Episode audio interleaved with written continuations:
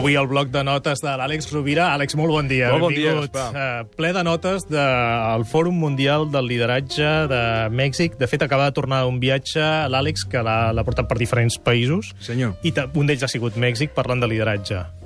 Com ha anat aquest fòrum? Ha De què estat, un, consistia? ha estat un fòrum molt interessant. Normalment se'n fa un, un a l'any i congrega diferents... En aquest cas érem, si no recordo malament, sis persones que som convidades a fer reflexions sobre el lideratge, tant a persones que treballen a ONGs com a persones que treballen dintre del sector privat, del sector públic, o joves emprenedors, o persones que els interessi, psicòlegs que els interessi el lideratge.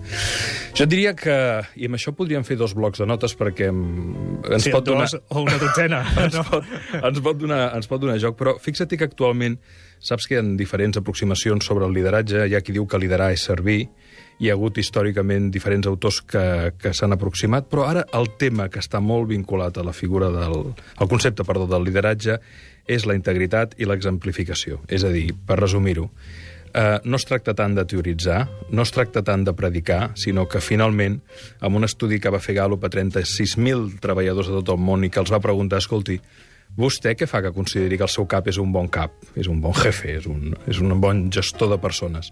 Que sigui intel·ligent, que tingui visió, que tingui expertesa o experiència, i es van sorprendre quan la resposta espontània era no, que sigui íntegre. Perquè en principi ha de ser competent, ha de ser intel·ligent, ha de tenir experiència i ha de tenir visió. Això és cert que ho ha de tenir. Però ha de tenir integritat. I la paraula integritat ja ho diu, no? Ha de ser eh, d'una sola peça, íntegra, d'una sola peça. Ha de ser impecable, també ho diu l'etimologia. No ha de tenir pecat. És a dir, una persona impecable és aquella que no té, que no, que no té pecat, no? que no menteix, que no manipula. Que diu i fa el mateix, que És el- predica amb l'exemple. Exactament, és el que vam parlar també fa uns quants blocs de notes, no? que hi ha una harmonia entre el que fa i el que pensa, entre el que pensa i el que sent, i entre el que fa i el que sent, que és consistent, coherent i congruent. Per tant, que és just.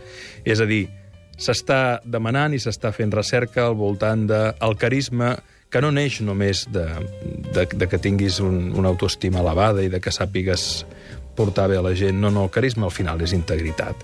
És que les persones puguin confiar en tu, perquè si confien en tu, generen compromís. I el compromís és el que porta la qualitat, i la qualitat porta l'excel·lència. Per tant, excel·lència, qualitat, compromís, confiança. I la confiança només es genera des del respecte, i el respecte només es genera si les persones que estan amb tu, ja siguin els companys, ja sigui el, el teu cap, o ja siguis tu amb tu mateix, sàpigues que no et fallaràs i que l'altre no et fallarà. Això és molt bonic però, i, i, i fàcil de dir, no? Però ha de costar. És com tot lo bonic de la vida, que es diu en frases de 10 segons. I per això dic que la paraula aigua no mulla, no? Al final, eh, és un treball que requereix una perseverança, que requereix una demostració al llarg del temps, i que si ens posem a mirar, en el fons, què ens ha passat i què estem vivint actualment amb tot això de la crisi i de Bànquia i de tota el, la femta que va sortint de sota les estores, en el fons, no és una crisi econòmica. Clar que és una crisi econòmica, és una crisi de valors, és una crisi de lideratge, és una crisi d'integritat.